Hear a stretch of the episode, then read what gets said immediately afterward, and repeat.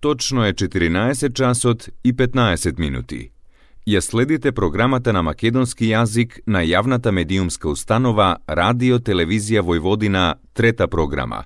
Емисија Македониум.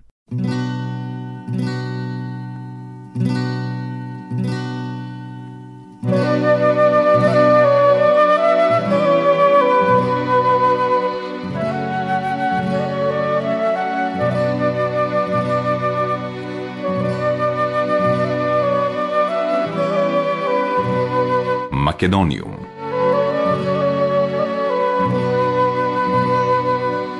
Добар ден и добре дојдовте во најновото издание на емисијата Македониум.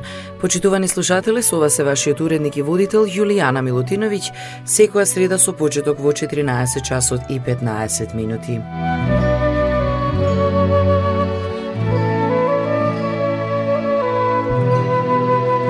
Македониум.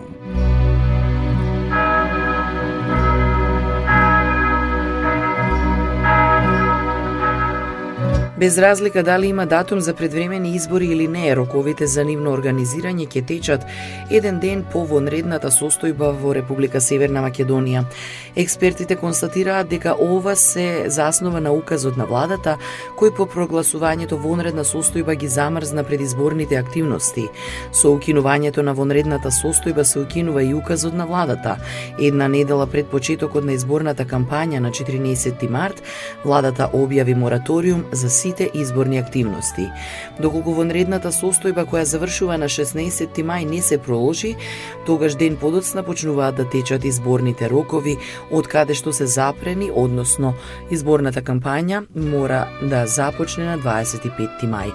Правниците го делат мислењето дека Државната изборна комисија врз основа на предходен политички консензус треба да подготви нов распоред за текот на роковите. Во меѓувреме, во врска со изборниот список, идејата на правниците е дека роковите се ограничени за јавен увид и жалби од политичките партии. Затоа на изборите треба да се оди од последната ажурирана листа. Политичките партии досега изразија различни ставови за можниот датум на изборите, а председателот на Собранието изјави дека нема да подпише нов указ за избори. Македониум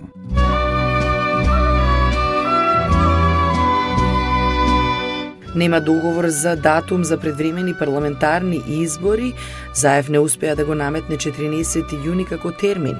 Лидерите се согласија дека здравието на граѓаните е приоритет, а здравствените власти ќе треба да објаснат каква е ситуацијата со коронавирусот и дали и кога ќе се создадат услови за изборно соочување. Овие информации следната недела ќе се разгледуваат на нова лидерска средба кај председателот Пендаровски.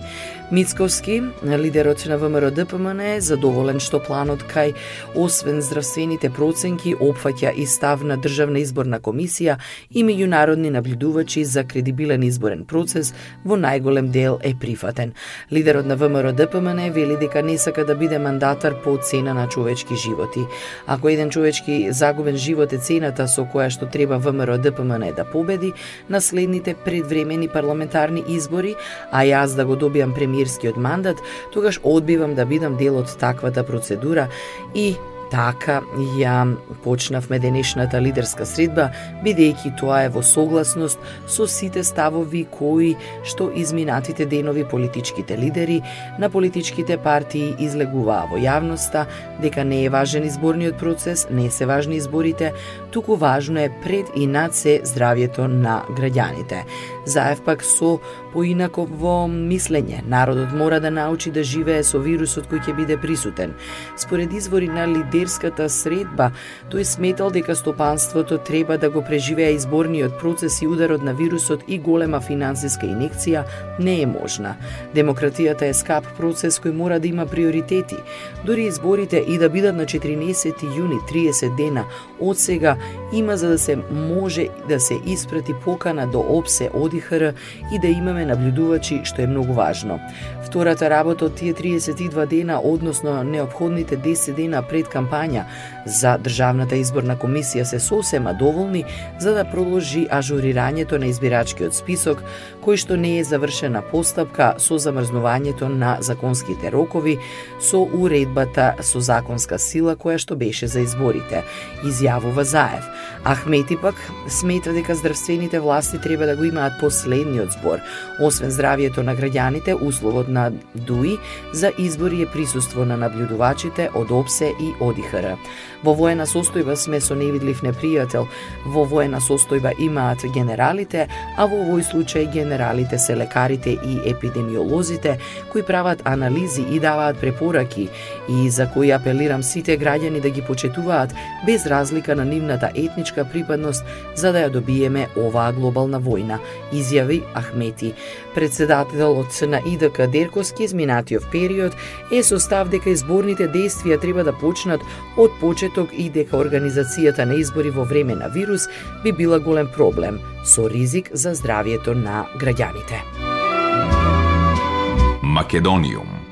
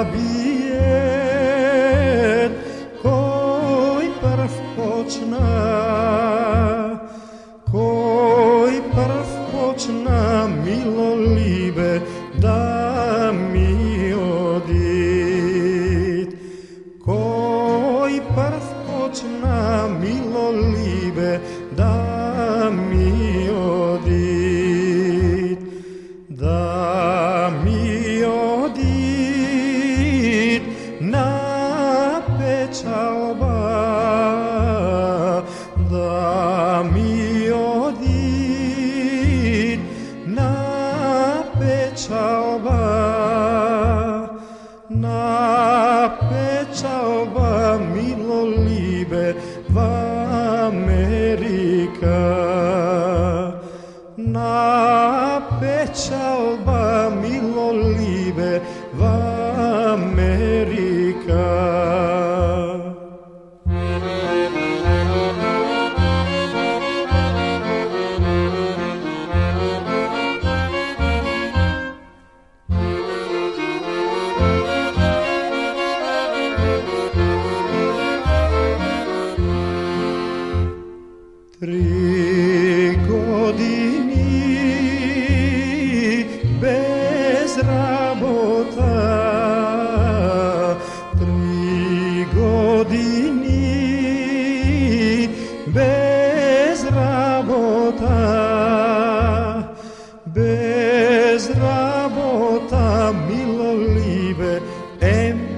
bespari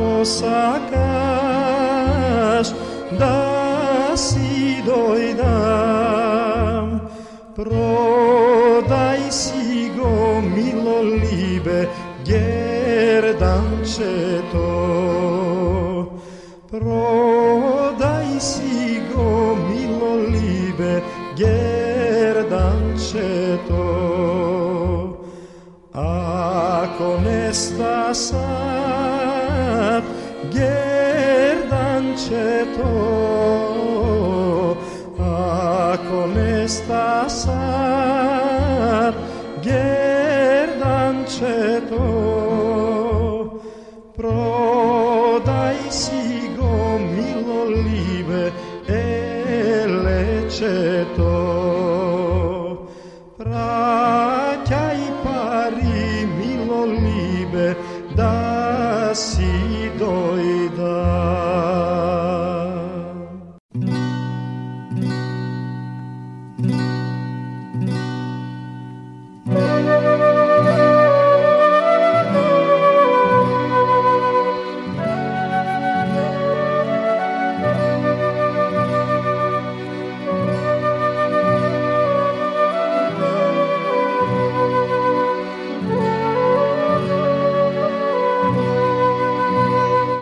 Македониум.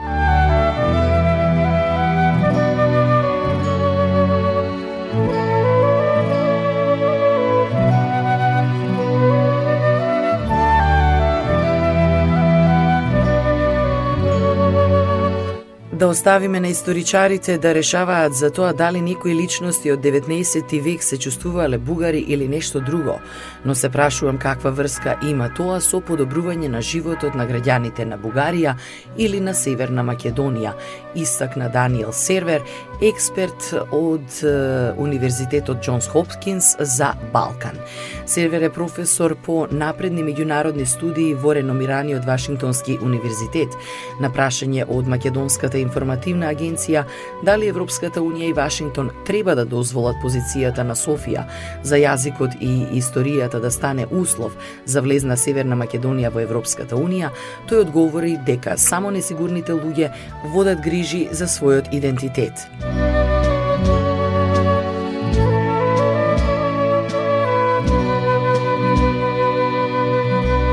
Македониум.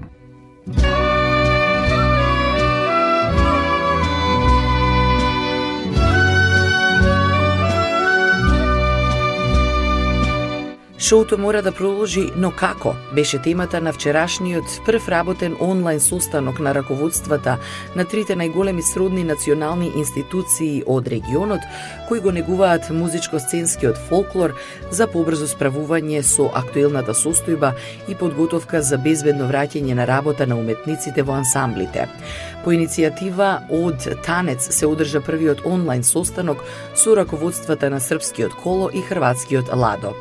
Впечатокот на сите соговорници беше дека овој начин на здружно барање решенија за надминување на проблемите во заедничката сфера на действување е од непроцленливо значење и сите безрезервно ја поздравија иницијативата.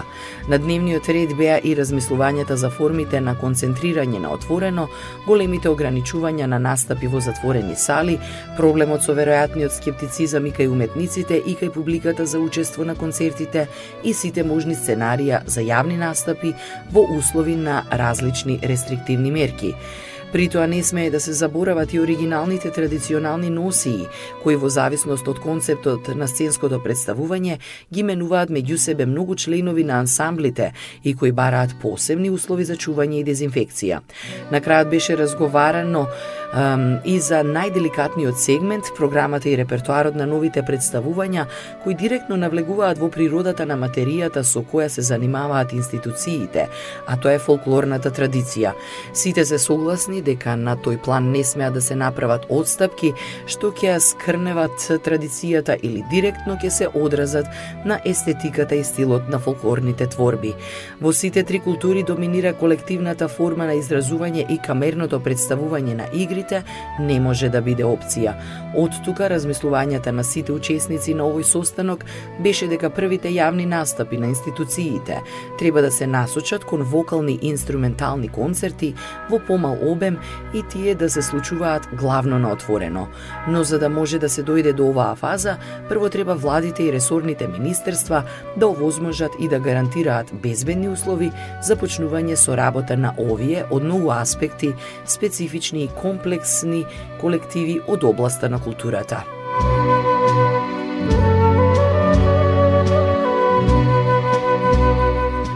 Македониум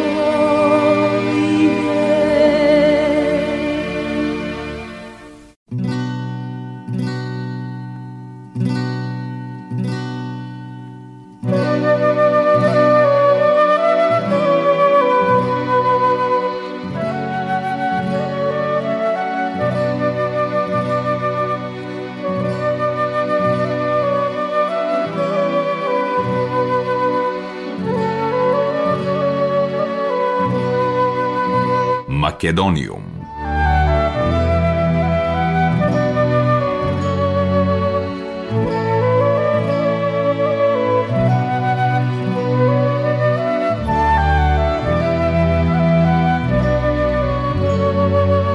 Србија на 1 јуни ќе ги отвори границите за четири земји од регионот, меѓу кои и Северна Македонија. Освен со Македонија, Србија ќе ги отвори границите и со Албанија, Босна и Херцеговина и со Црнагора, се наведува во српски блиц. Ваквата одлука е донесена поради тоа што ниту една од овие држави не беше жариште на коронавирусот. Одлуката пред се е донесена поради студентите од Република Српска и Црнагора, кои ќе циркулираат меѓу трите земји. Ова беше препорака на кризниот штаб за заштита на јавно здравје од заразни болести. Српската влада на седница го усвои протоколот за влез на граѓаните на Србија и на странските државјани во земјата, во согласност со епидемиолошката состојба и заштитата на населението од заразната болест COVID-19, се соопшти од владината прес служба. Српските државјани ќе може да влезат во земјата само со негативен тест на коронавирус и да се движат низ земјата. Тестот не треба да биде постар од 72 часа. Ако немаат направено тест, српските државјани по влезот на земјата ќе мора да поминат во домашна изолација 14 дена. Странските државјани во Србија ќе може да влезат под два услови: со негативен тест на коронавирусот не постар од 72 часа и со потврда издадена во српската амбасада или конзулатот во земјата од каде што доаѓаат.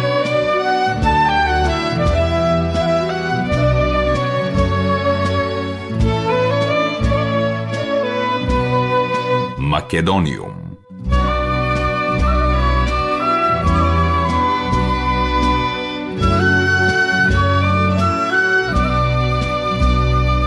Председателот на Македонската стопанска комора за туризам Емил Димитровски очекува властите да постигнат договор со соседните земји со цел да може да се патува за време на летната сезона. Според него тоа е возможно само доколку во најбрз можен рок се отворат и границите.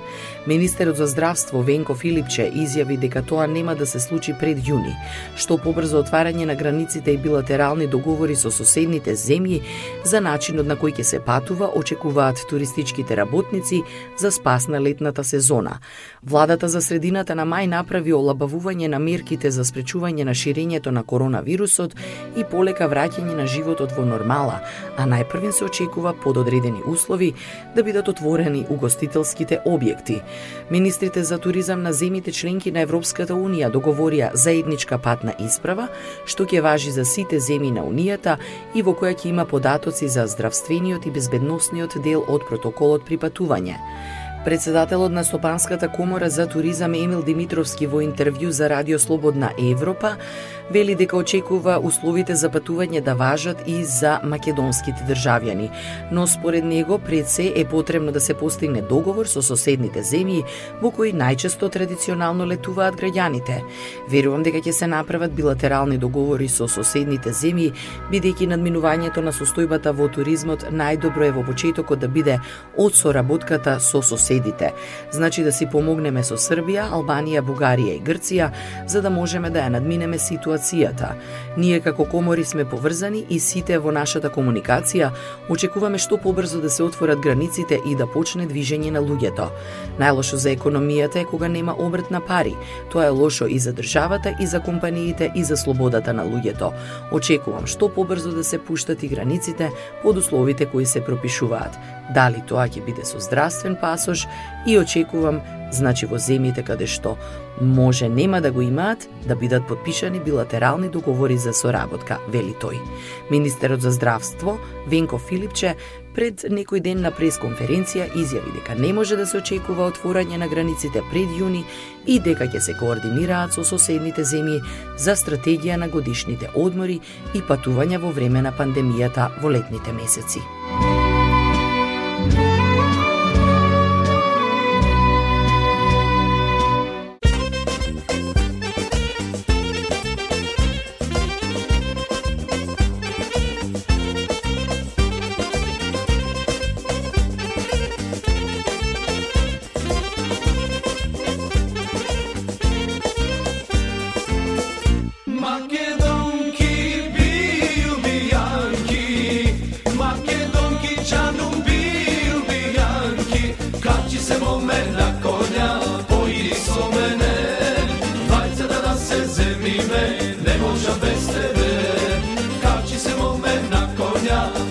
So mene Dvajca da se zemi me, ne moža bez tebe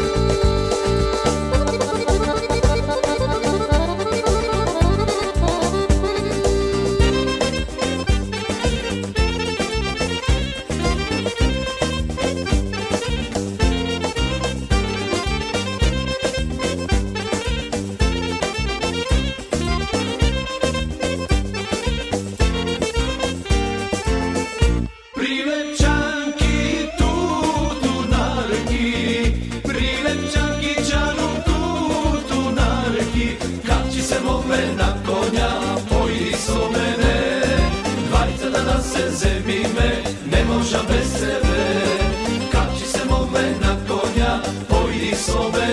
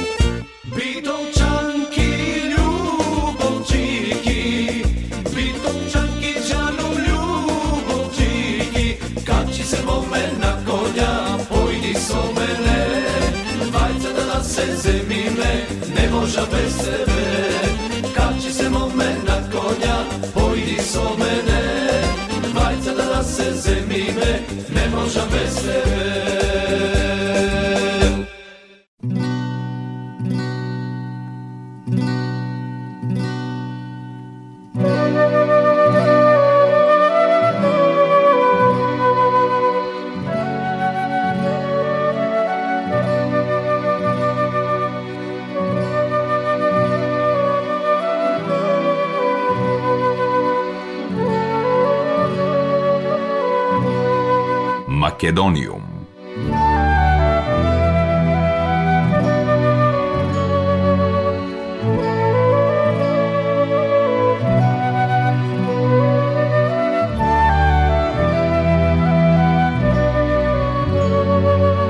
Почитувани слушатели, тоа беше се во денешното издание на емисијата Македониум. До следната среда во исто време, срдечен и голем поздрав од вашиот уредник и водител Јулијана Милутиновиќ.